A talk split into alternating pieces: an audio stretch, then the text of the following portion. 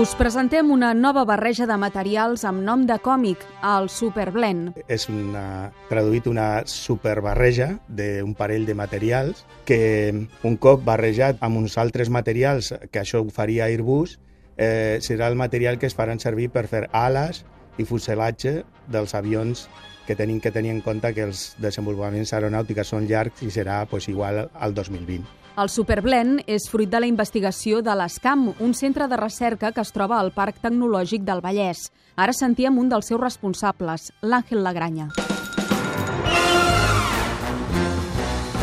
La composició d'aquesta barreja és confidencial, però té unes propietats evidents. És més resistent, es pot emmagatzemar durant més temps i és altament reciclable. La diferència entre un termoplàstic i un termostable és que el termostable és molt difícil de reciclar. Per tant, ara tots els avions que estan envellint i que ja sortiran, eh, diguem-ne, ja no volaran més, és un problema el fer el reciclatge de tots aquests avions.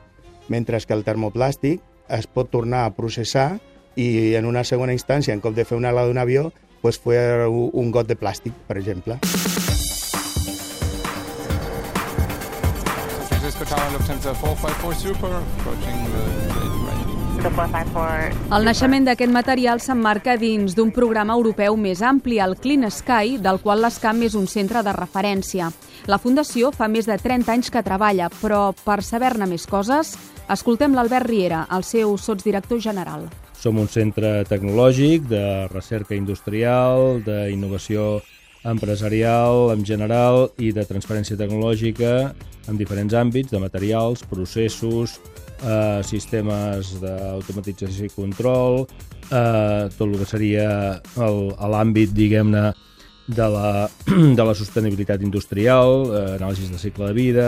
I tot plegat al servei de diferents sectors, el transport que ja hem vist, tant aeri com d'automoció, però també la construcció, els béns de consum o la salut, entre d'altres. Això obre un ventall de possibilitats molt ampli al Superblend. Per exemple, ara els implants es fan de, de metal i aquest termoplàstic barrejat amb, amb un altre material que es diu fibra de carboni podria ser un substituent de les pròtesis o de los implants que ara es fan en titani. Per veure el grau d'implantació i els avantatges d'aquest material, però encara haurem d'esperar. Eh, tenim que pensar que entre que eh, una empresa com Airbus fa totes les proves que requereix eh, el desenvolupar el, el, finalment el, el material amb la fibra de carboni, pues poden passar 10 anys perquè tampoc és que es facin avions nous cada 5 anys com pot ser un cotxe. En qualsevol cas, l'adopció d'aquest material per part del fabricant aeroespacial europeu constata l'excel·lència tecnoindustrial que tenim al nostre país i suposa un al·licient per perseverar en la innovació com a millor garantia de futur.